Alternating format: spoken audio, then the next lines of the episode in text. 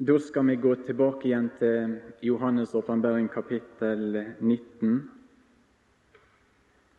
Og vi skal igjen lese ifra vers 11 i dag. Men før vi leser, så vil vi be i sammen.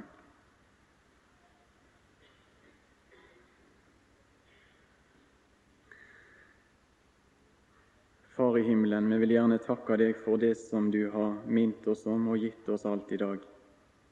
Og så får du hjelpe oss at vi kunne ta vare på de sannhetene, og at de levde i våre hjerter, og at de viste i våre liv, at vi hadde hørt ordet ditt, og at vi forsto det. Og så har jeg lyst til å be for denne timen at du måtte gi oss en nådestund, der vi kunne få lov å merke det at Din Hellige Ande var virksom midt iblant oss nå.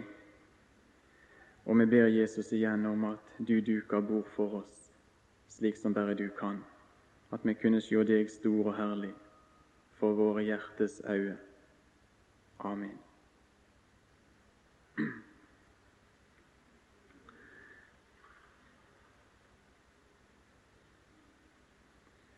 Da leser vi fra vers 11 i Johannes' åpenbaring 19.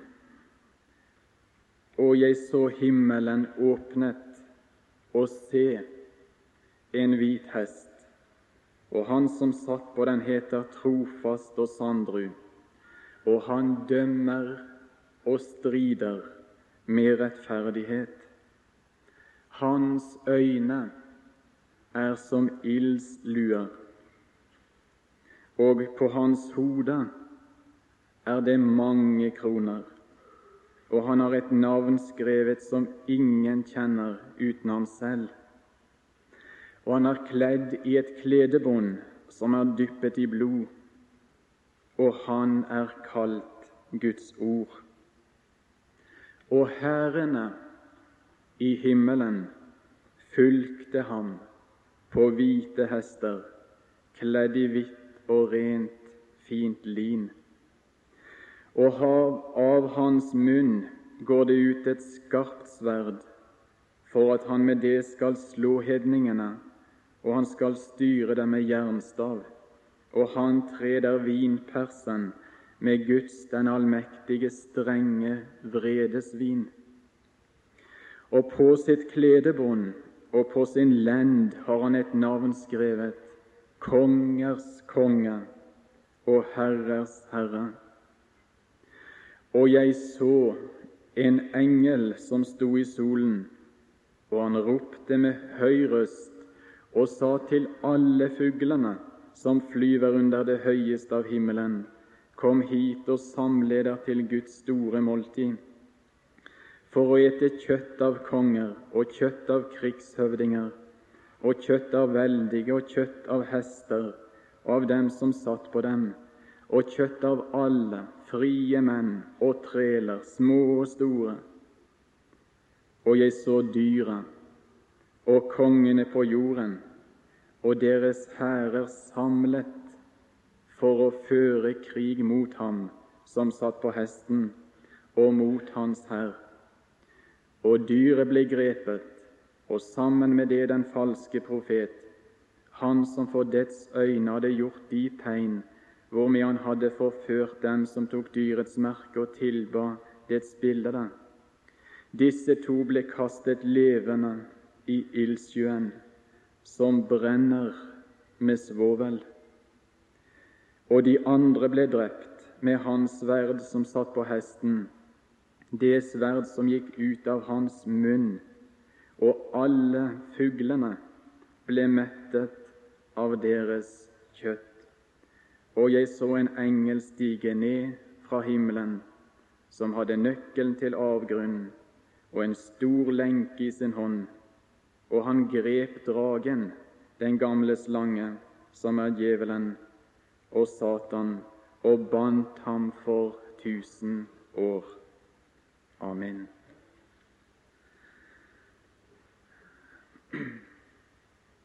Det jeg har prøvd og nevnt litt om i de første timene, det er de tre første store verdensbegivenheter som Johannes omtaler i det 19. kapittel av åpenbaringen.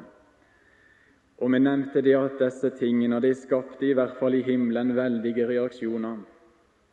Vi nevnte dette med lammets bryllup spesielt i siste timen. Og ellers nevnte vi det som var det første, at Babylon hadde blitt dømt, den store sjøkja. Og vi nevnte også dette med Herren Gud, den allmektige, som ble kongen. I denne timen skal vi se litt på den fjerde hending, som kanskje overgår, iallfall for denne verden, så merkes den kanskje aller mest av disse ting. Og det som vi leser om her, det kommer til å få enorme konsekvenser på jorden. Og det hele det starter slik. Og jeg så himmelen åpna.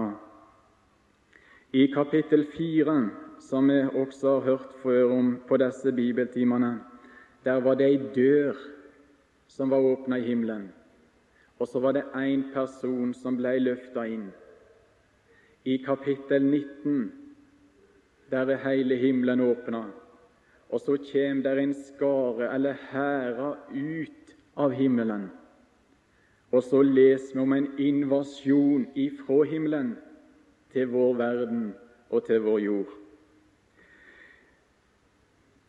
Nå eh, skal vi begynne litt grann å se på Han som rir i spissen for disse hærene, for de himmelske hærene. Og Nå får jeg bare si det at nå har Røykenes vært inne på rytteren i Åpenbaringen 6 og trukket en del paralleller til Åpenbaringen 19, og det var veldig fint og greit. Så litt av det som jeg sier nå, det kommer vel bare til å bli en understreking av det som har vært sagt før. Men allikevel har jeg lyst til å starte litt for det spørsmålet hvem er rytteren her på den hvite hesten? Det er gitt 13 eller 14 opplysninger om han. Og jeg tror at Johannes ble veldig imponert igjen når han ser denne rytteren. Han blir fanget av han, og han begynner å beskrive han for oss. Og disse 13-14 tingene som han nevner, det er bare én person i tilværelsen som de kan passe på. Jeg tror vi er enige alle sammen at dette, det er Jesus Kristus. Allikevel så nevner jeg lite grann. For det første navnet som han har. La du merke til deg, vers 11. Der er han kalt for trufast og sanndru, eller sannordig. Og for en kontrast til det de navnene er til de som er nå på jord og de som regjerer, og de som har innflytelse der. Men det er en som er sannordig, det er en som er trufast, som ikke fer med villfarelser og forførelser, slik som makthaverne på jord gjør nå. Her har du en kontrastperson til de som i denne verden, Antikrist og den falske profet. Og Videre står det jo det i vers 13 at han er kalt for Guds ord. Og du som er kjent i Bibelen din, du veit ifra mange plasser at ordet, Johannes 1 f.eks., det er bare én person. Det er Han, det er Kristus. Videre sto det det at han er kongene sin konge og herrene sin herre. Det peker samme vei.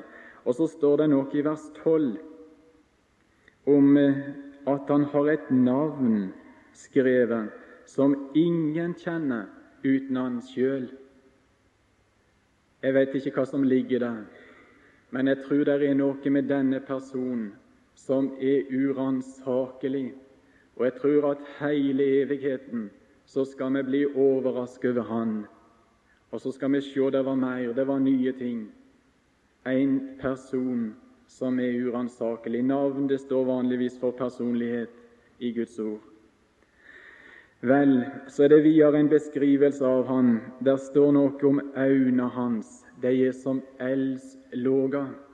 Det er altså et blikk som kan trenge igjennom. I Åpenbaringa 2 og 3 der er det hans menighet som han ser, og som han gjennomskuer. Her er blikket retta mot nasjonene, mot folkene i denne verden når han kommer. Men det er de samme øynene, og det er ingenting som kan skjules for det blikket. Der står også han har mange kroner på sitt hode. Og eh, det har også vært nevnt før, dette med krone. Det har med myndighet å gjøre. Det har med autoritet. Det har med herrevelde. Det har med makt. Der står en liten sak i 2. Samuels bok 12 som jeg skal ta med i den forbindelse. 2. Samuels bok, det tolvte kapittel. Og vi leser fra vers 26.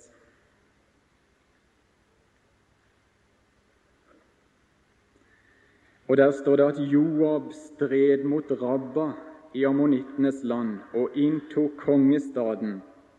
Så sendte Joab bud til David og lot si:" Jeg har stritt mot Rabba og inntatt vannbyen. Samle nu du resten av folket og leir deg mot byen og innta den, så det ikke blir jeg som inntar byen, og mitt navn blir nevnt over den. Da samlet David alt folket og drog til Rabba, og han stred mot det og inntok det. Og han tok deres konges krone fra hans hode. Den veide en talent gull, og der var på den en kostbar sten.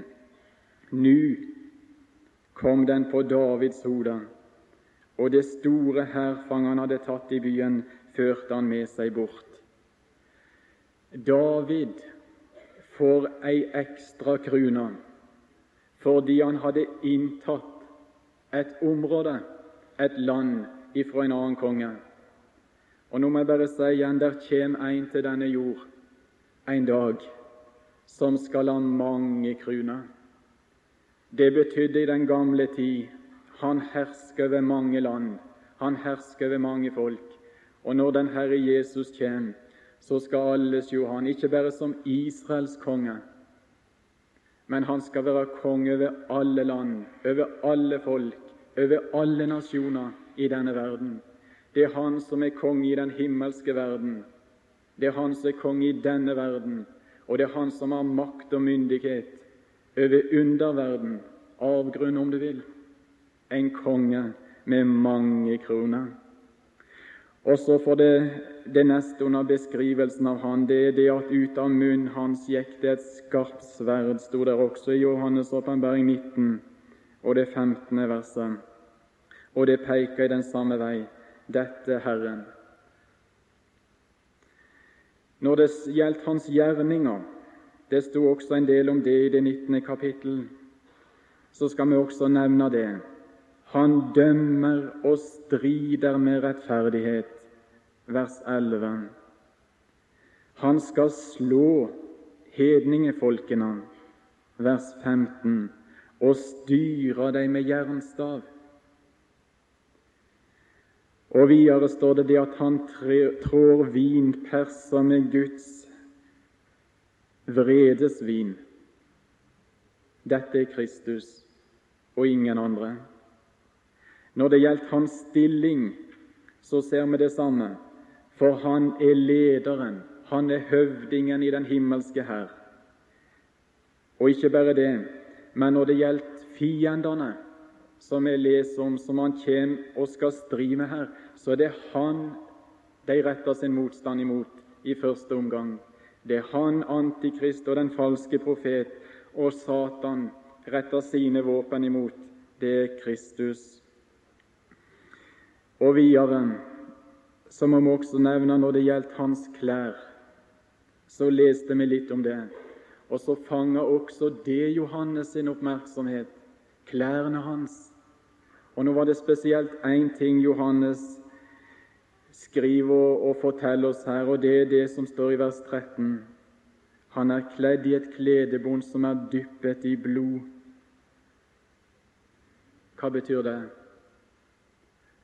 Kanskje det minner deg om Golgata først og fremst. Men i denne sammenheng så tror jeg også det taler om en annen ting. Det taler om Han som er nevnt i Esaias 63, er det vel. der det står om krigsveteran, han som kjempa for Israel i den gamle pakt. Og du kan lese om han som skal trede Guds vinpers Vi kan godt slå opp i det kapitlet.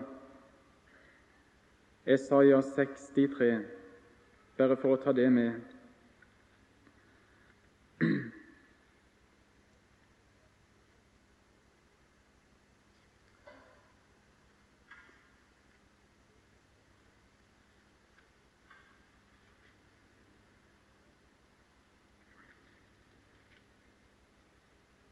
Hvem er han som kommer fra Edom i røde klær fra Bosra, så prektig i sin kledning, kneisen i sin store kraft? Det er jeg, jeg som taler rettferdighet, som er mektig til å frelse. Hvorfor er din kledning så rød, og dine klær lik hans som treder vinpersen? Persekaret har jeg trådt, jeg alene, og av folkene var ingen med meg. Så trådte jeg på dem i min vrede og trampet dem sønder i min harme. Da sprøytet deres blod på mine klær, og hele min kledning fikk jeg tilsølt. For hevnens dag var i mitt hjerte, og mitt gjenløsningsår var kommet. Og jeg så meg om, men det var ingen som hjalp. Jeg undret meg, men det var ingen som støttet meg. Og da hjalp min arm meg, og min harme støttet meg. Og jeg trådte ned folkeslag i min vrede og gjorde dem drukne i min harme, og jeg lot deres blod rinne ned på jorden. Vi skal komme litt tilbake til det seinere, akkurat disse tingene. Men la meg også nevne når det gjelder beskrivelsen av han i Johannes' åpenbaring 19, så er det også beskrevet hans totale seier, og det på en slik måte at dette utelukker alle andre personer. Det kan ikke være andre enn Kristus. Dette er dagen når Han kjem, Han som profetene talte om, og så sa de Han skal komme.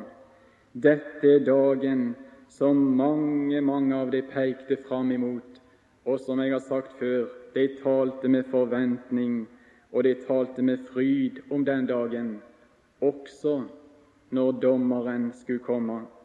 Men det var et veldig alvor, og det står om Herrens dag om hevnens dag. Det er den store og forferdelige dag. Nå skal vi se litt videre på hvem som er med han når han kommer. For han kom ikke alene. Vers 14 igjen i Johannes' åpenbaring 19. Og herrene i himmelen fulgte ham på hvite hester, kledd i hvitt og rent, fint lin. Og så står det i det 19. verset og jeg så dyret og kongene på jorden og deres hærer samlet for å føre krig mot ham som satt på hesten, og mot hans hær. Altså, når denne rytteren kommer ut ifra himmelen, så kommer han ikke alene men der står omtalt at han har hæra eller skara med seg. Og hvem er så disse, da?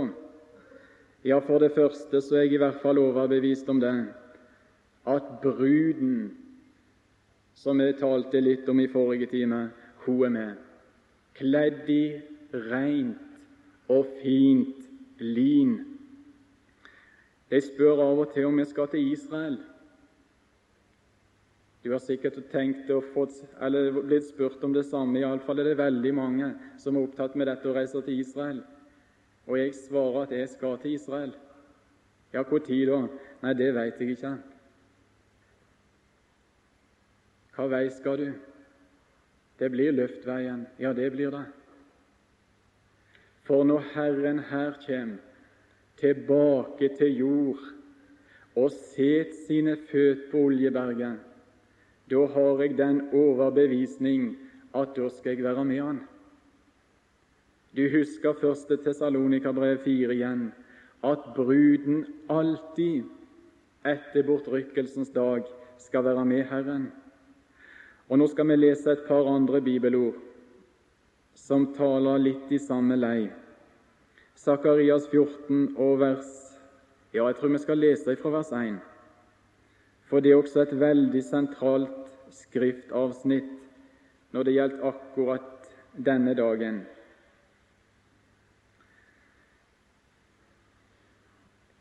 Og disse tingene for min del, det tar altså litt tak i hjertet mitt. Og så gleder jeg meg med tanke på det som ligger framfor. Se, Sakarias 14,1, det kommer en Herrens dag, da det hærfang som er tatt fra deg, skal skiftes ut i din midten. For jeg vil samle alle hedningefolk til krig mot Jerusalem. De har hatt mange kriger. Det spørs om de ikke har den verste igjen. Når alle hedningefolk reiser seg imot det vesle folk, og når alle hedningefolk drar opp mot Jerusalem, og staden skal bli tatt, og husene blir plyndret, og kvinnene blir skjendet, og halvdelen av staden skal måtte gå i landflyktighet, men resten av folket skal ikke utryddes av staden, for Herren skal dra ut og stride mot disse hedningefolk, som han før har stritt på kampens dag. På den dag skal hans føtter stå på Oljeberget som ligger midt imot Jerusalem i øst, og Oljeberget skal revne tvert over mot øst og vest, så det blir en stor dal idet den ene halvdelen av fjellet viker mot nord og den andre halvdelen mot syd. Og I skal fly til dalen mellom mine fjell, for dalen mellom fjellene skal nå like til Asel. I skal fly som I flydde for jordskjelvet i Judas kong Usias dager. Da skal Herren min Gud komme, og alle hellige med deg, min Gud. På den dag skal lyset bli borte, de herlige himmellys skal formørkes. Og så kan du lese videre i dette kapitlet hvordan det erfares når Herren kommer på denne måten. Men det jeg bare nå streker under, alle hellige med deg, min Gud. Guds folk har mye interessant framfor seg, og dette blir altså ei bryllupsreise der brudgommen tar med seg alle de hellige. Og i Judas brev, det 14. verset, der står det:" Se, Herren kommer med sine mange tusen hellige. Og i Johannes' åpenbaring kapittel 1 og det sjuende verset, det kan vi også ta i denne forbindelse. Der står det sånn Se, han kommer med skyene. Og Jeg tror ikke det er noe værvarsling her som ligger i det ordet, at det blir skyer denne dagen på lufthimmelen. Men jeg tror dette også går på det at han har skara, eller flokka med seg, av truende, av hellige, når han kommer. Og dessuten så ser det ut for det, ifølge Guds ord, at også engler er med han denne dagen. Andre Tessalonika-brev 1. Andre Tessalonika-brev 1, og vi leser ifra vers 4 så vi selv roser oss av eder i Guds menigheter for eders tålmodighet og tro under alle eders forfølgelser og de trengsler som vi holder ut. De ble sannelig prøvd og de fikk sannelig gjennomgå. Og så står det at disse tingene er et varsel om Guds rettferdige dom, for at de skal finnes verdige til Guds rike, det som vi òg lider for. Så sant det er rettferdig for Gud å gi dem som trenger eder trengsel til vederlag, men eder som trenges ro sammen med oss når vår Herre Jesus åpenbares fra himmelen med sin makts engler, med luende ild, når han tar hevn over dem som ikke kjenner Gud, over dem som ikke er lydige mot vår Herre Jesu evangelium. Men spesielt vers 7.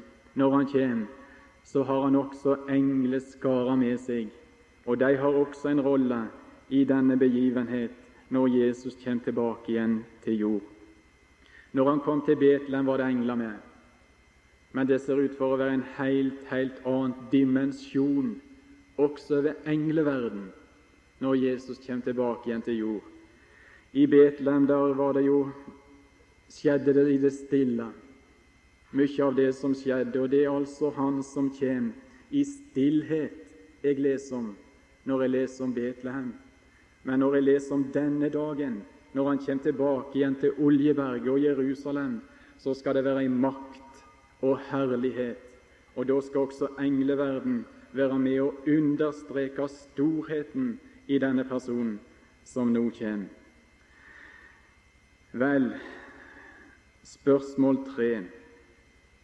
Hva skulle Jesus og de himmelske hærer som nå kommer ut av himmelen, hva var hensikten?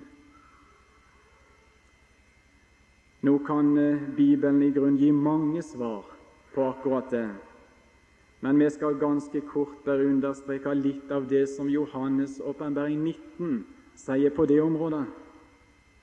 Og legg merke til følgende uttrykk, da, vers 15. Slå hedningene. Vers 11 dømmer og strider med rettferdighet. Og vers 15 igjen skal styre hedningene med jernstav.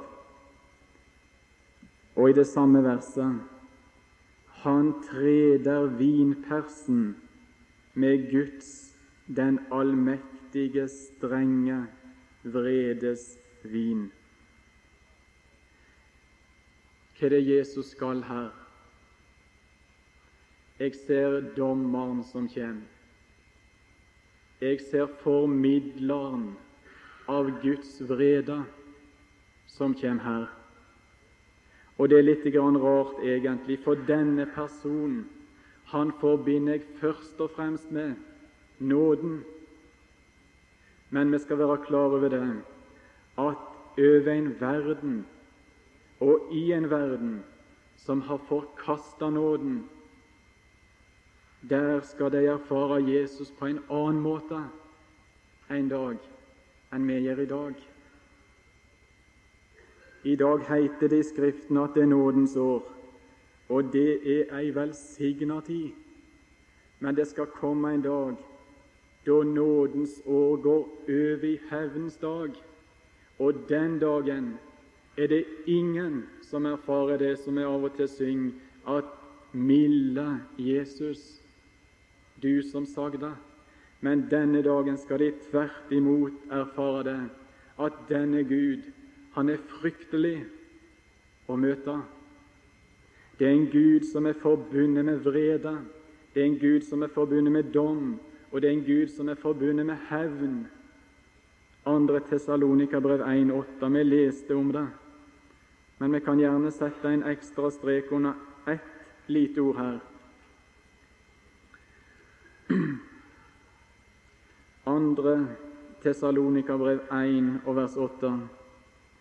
Med luende ild når han tar hevn over den som ikke kjenner Gud, over den som ikke er lydige mot vår Herre Jesu evangelium, og det blir ei smertelig og det blir ei fryktelig erfaring for mange mennesker i dag, den dag. Alle Herrens fiender kommer til å gjøre den samme erfaring, og det er det at denne mann, han er ikke god å møte. Herrens dag, den store og forferdelige, den advarer Guds ord imot. Ved de som erfarer den dagen, sier Skriften, av Guds fiender. Vel, det er også en annen hensikt som vi må streke litt under, for så vidt i tråd med det vi alt har nevnt, og det at denne dagen skal Herren ta et oppgjør med sine hovedfiender i denne tid, den siste tid. Og det er altså Antikrist og den falske profet og deres allierte. Og Nå leser vi vers 19 og 20 igjen i Johannes' åpenbaring 19. Og jeg så dyret og kongene på jorden og deres hærer samlet. Det blir enhet, og det blir samling. Men det blir ikke i Herrens navn, men det blir imot Herren i den siste tid. Det ser vi også her. Samlet for å føre krig mot ham som satt på hesten, og mot hans hær. Vi skal være klar over følgende når det gjelder denne tid. Verdens situasjon kommer til å være helt annerledes enn den er i dag. Det er fælt i dag i verden, det er det, men det kommer til å bli mye verre enn det er. Det synes jeg er klart i Guds ord. Og et av de ordene som er talende i så måte, det er akkurat det 19. verset, der det står om disse motstanderne av Gud og deres hærer som er samla, som er forent. Og vet du hva de skulle? De skulle føre krig imot Herren og imot Hans hær. Og i dette uttrykket ser jeg altså et bevisst oppgjør og en bevisst motstand, der de tror at de til og med skal klare å beseire Herren et direkte angrep som skal rettes imot Han. All Guds frykt synes i denne tid å være borte, og de tror til og med det at det skal være mulig å beseire Herren. Kan det skje at menneskeslekten kan komme så langt? Ja, det tror jeg. Når et menneske vender seg bort ifra Gud, så er det ingen grenser hvor langt dårskapen kan gå. Og Nå skal vi ta et par ting som kan understreke akkurat det, at frafallet kan bli så svært, og tilstand på jord kan bli så forferdelig at de til og med tror vi skal slå han, vi skal beseire han og hans folk, Herren og hans brud. Og Da nevner jeg for det første i denne tid så vil Den hellige ånd ha en helt annen funksjon enn den har i dag. Dette var Røykenes litt inne på i forrige time også. Menigheten er borte. Og hva det vil bety for verden, det er vel ingen av oss som aner fullt ut. Jeg skulle nesten ønske at jeg hadde visst det, litt mer om det. De som bor rundt om i landet vårt og i folket vårt og i hele verden, de ser på bedehusfolka.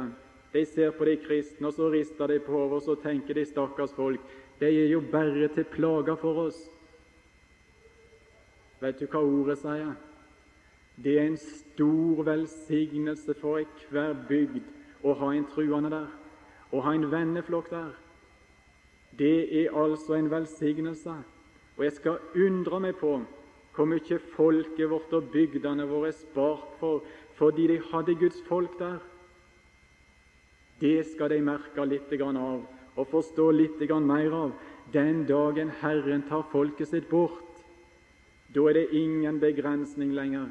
Da er ingen bremser på forfallet og syndens utvikling lenger. Og så får det velta innover verden, og så blir det forråtnelse og fordervelse av alt i samme.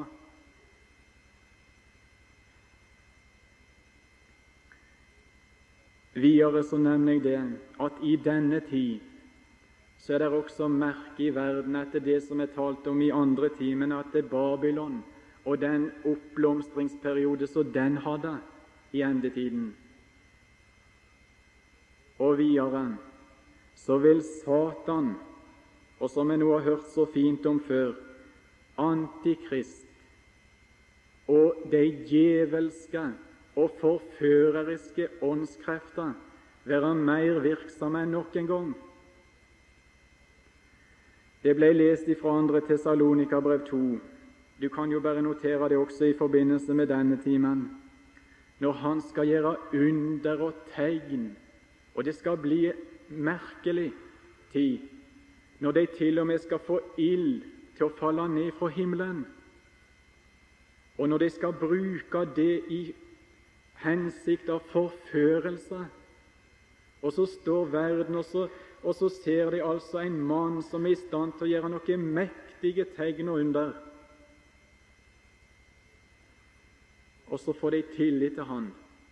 Og så kommer han til å tale løgn, og så kommer han til å bedra folk. Og så tror jeg han kommer til å føre dem dit hen at de til og med skal tro det, at hvis vi bare kan forene oss, og hvis vi kan bruke alle våre krefter og all vår intelligens og all vår teknikk og liksom forene både det menneskelige og det djevelske og alt det samme, så skal vi slå Gud. Så skal vi beseire Han. Salme 2.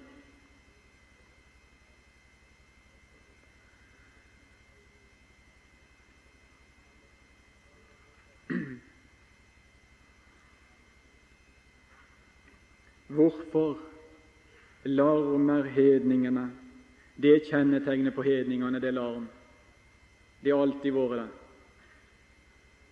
Og det som er nifst, er jo det at litt av den larmen trenger inn i våre forsamlinger òg i dag. Og begynner å prege den bekjennende kristenhet òg. Den hellige ånd sitt kjennetegn stillhet. Hedningene sitt kjennetegn er larm. Og eh, hvorfor larmer hedningen og grunner folkene på det som fåfengt er? Jordens konger reiser seg, og fyrstene råd slår sammen mot Herren og mot Hans salvede. La oss sprenge deres bånd og kaste deres rep av oss. Det har alltid skjedd en delvis oppfyllelse av denne salmen til alle tider men jeg er overbevist om at han skal få en spesiell oppfyllelse i den siste tid, da det vil gjøre et siste opprør direkte imot Herren. Men la oss også ta med vers 4. Det blir ikke panikk i himmelen. Om hele verden forener seg, og om djevelen setter inn alt han har av krefter, av ånder og engler, demoner, han som troner i himmelen, ler. Herren spotter dem. Så si, taler han til dem i sin vrede, og i sin harme forferder han dem. Der står også i Johannes' åpenbaring kapittel 16 et ord som jeg må ta med i denne sammenheng når det gjelder verdens situasjon før Jesus kommer tilbake igjen til jord. Ifra vers 12. Og den sjette engel tømte sin skål ut i den store elv Eufrat, og vannet i den tørket bort for at det skulle ryddes vei for kongene fra Østen. Og jeg så at det av dragens munn og av dyrets munn og av den falske profets munn kom ut tre urene ånder som lignet padder, for de er djevleånder som gjør tegn, og de går ut til kongene over hele jorderiket for å samle dem til krigen på Guds den allmektige store dag. Djevleånder som gjør tegn, og som virker, og virker på en slik måte at den samler kongene og den samler folkene til et direkte opprør imot Herren. Det er litt utenkelig kanskje for oss, men jeg tror at Bibelen avslører dette som sannhet, og dette som en mulighet. En merkelig verdenssituasjon som djevelen og hans hærer fullstendig skal prege ham. Og da blir det neste spørsmålet hvordan gikk det med denne krigen og dette slaget som sto omtalt i Johannes' åpenbaring 19? For det første må jeg bare si det er veldig godt at vi vet svaret. Tenk om jeg skulle levd i spenning inntil han kom, om vi var på seierslag eller ei. Det er fint å kjenne historier på forhånd. Og nå skal du høre her. Den himmelske kongen, han trong ikke å bruke en eneste en av sine soldater når han nå kommer for å føre krig. De var nå forresten ikke kledd for krig heller. Kledd i hvitt, fint lin. Det er ikke akkurat krig du tenker på da. Og ikke hadde de våpen. Men det ble ikke spørsmål om de var i stand til å krige. For nå skal du høre her de trong ikke løfte en finger for å hjelpe han. For kongen, han avgjorde sjøl hele slaget. Vi leser igjen vers 20 og 21 i Åpenbaringen 19. Og der står at dyret ble grepet, og sammen med det den falske profet, han som for dets øyne hadde gjort de tegn hvormed han hadde forført dem, som tok dyrets merke og tilba dets bilder. Disse to ble kastet levende i ildsjøen, som brenner med svovel. Og de andre ble drept med hans sverd, som satt på hesten, det sverd som gikk ut av hans munn, og alle fuglene ble mettet av deres kjøtt. Han brukte sverdet sitt enda en gang. Han brukte ordet igjen, og så var alle fiender satt ut av spill. Der står i Esaias, du kan bare notere Esaias 11,4, om hans munns ris. Det er et parallellord. Og når jeg leser akkurat denne saken her, så tenker jeg på en bestemt begivenhet som står omtalt i Johannes evangeliet kapittel 18. Jesus i Getsemane. Det var lenge før jeg oppdaga en sak der som har blitt veldig god for meg. Og det er når Jesus blir tatt til fange. Du har sikkert merka deg det som står der om denne flokken som kom for å ta han. Jeg har lest det, at det uttrykket som der er brukt for vakten, disse som ble sendt ifra øvrigheten for å ta han, det kan bety, mener en del, en tiendedel av en legion, det greske ordet som er brukt for vakt. Det vil i så fall bety ifra 400 til 600 mann som kom i Getsemane for å ta Jesus, pluss at det var en del andre som ikke hørte vakten til. I hvert fall, sier Matteus, der kom en stor hop for å ta han. Har du lagt merke til hva som skjer når de møter Jesus? Så stiger Jesus fram når de spør etter han, og så uttaler han noen få ord. Han sier 'Det er meg', og med de ordene legger han hele flokken.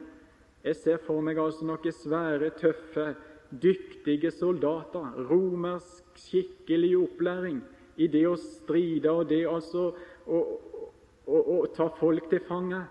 Og så står Jesus fram, og så bruker han et ord, og så legger han det til bakken, hele flokken. Det er meg. Det er et parallellord til det som står i Det gamle testamentet, når Gud sier 'Jeg er den jeg er'. Og Så bruker han litt av guddomsordet, og så legger han alle fiendene flate i Getsemane før han sier 'vær så god, ta meg', da. Og så viser han det Det er ikke ei kraft, det er ikke en menneske i denne verden som kan ta meg hvis jeg vil unngå å bli tatt. Han kunne talt et ord, og de var døde alle der i Getsemane. Han kunne talt et ord, og de fikk aldri reise seg igjen. Han kunne holde det der. En merkelig person. Og det taler litt om kraften i ordet. Og det skal også hans fiende erfare når han kommer tilbake igjen til jord. Med sin munns sverd skal han slå sine fiender. Og så står han der som seiersherren. Sverdet. Og så ble det et totalt nederlag for Guds fiender, for opprørerne. Og så får det en siste leksjon i det som altså er det mest fåfengt av alt, det mest nytteløse av alt, det å stå Herren imot, det å kjempe imot Herren. Det er altså det et menneske sin undergang. Og veit du hvor det gikk med disse fiendene? Ja, det ble fuglemat. Gud kaller på fuglene. Det er den suverene Gud. Og så står det om det andre måltid i Johannes' åpenbaring 19. Det første var i himmelen, lammets bryllupsnattverd. Det andre, det er på jord. Det er når Gud roper på fuglene, nå skal de få mat. Og så ligger fiendene der døde, og så kommer fuglene.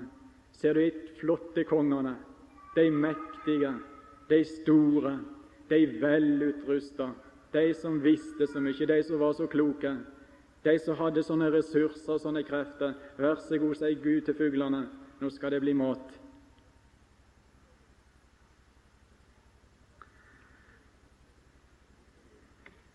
Djevelen, han ble bundet for tusen år. Dyret ble kasta i ildsjøen. Den falske profet ble kasta i ildsjøen. Og det er ett lite vers i det 20. kapittel som lærer meg noe veldig uhyggelig her, akkurat når det gjaldt den sak. Kapittel 20 vers 10. Det er i tid, tusen år etter at dyret og den falske profet ble kasta i ildsjøen, og djevelen som hadde forført dem, ble kastet i sjøen med ild og svovel, hvor dyret og den falske profet var. De var ikke tilintetgjort. De var lys levende på den plassen. Tusen år etter de var putta inn der. Forstår du litt av det? Det er noen som sier det at når jeg dør, så er alt slutt. Nei, sier Guds ord. Mennesket, ei menneskesjel, skal leve like lenge som Gud. Og det er mange som kommer til å erfare det ut ifra Johannes' åpenbaring 20, men det skal ikke vi komme inn på nå, at deres evighet det blir en plass der jeg ikke kan få dø.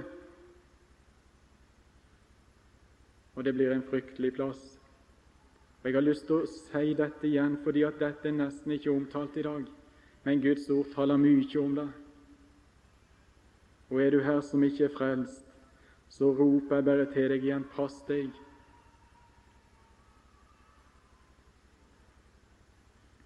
Vel, vi skal runde av med det. Det ble total seier for kongen ifra himmelen og for hans, for hans herre. Og så ble det opprydning, og så ble det utrenskning på ei syndforderva, ei åndsforderva jord. Herren greip inn i tiden. Det er det vi leser i Johannes' åpenbaring 19. Herren kjem, og så begynner han å regjere som konge i vår verden. Og det veit jeg, og det har vi snakket litt om før, det skal bli annet enn demokrati. Det skal bli teokrati, der Gud og Hans vilje skal verte rådende, og der det som Gud sier, skal prege verden. Det skal bli ei annen tid. På nesten alle måter, på nesten alle områder, skal det merkes. Det har skjedd regjeringsskifte. Han som de ropte bort med, han som de sa korsfest, han skal få plass på truna. Og så skal verden få oppleve det. Han som gjorde alle ting vel, han skal få makt. Det blir glanstid for vår verden. Og da sier vi bare til slutt du som hører Herren til, det skal bli fint om vi kommer i den situasjonen at vi får regjere med Han.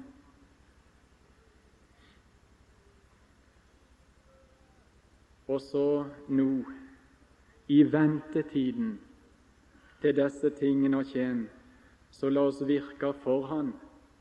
Og la oss stå med truskap på de plasser som Han har sett oss. Jeg ønsker det når Jesus kommer igjen. Og nå tenker jeg på bortrykkelsen som Røykenes har snakket om. Jeg ønsker han skal finne meg i kjeledressen, åndelig talt. Ikke i pyjamasen, ikke sovende, men at jeg kunne stå der og tjene Han akkurat der som Han setter meg, akkurat på den plassen, tjener Han med et varmt og brennende hjerte inntil Han kommer. Og Gud velsigne den enkelte av dere som er her i dag, at bygdene våre og byene våre kunne merke det, det himmelske folket. Det er et folk som er preget av det. Jesus kommer snart. Og at det er et folk som er preget av det. Himmelen er nær. Far i himmelen.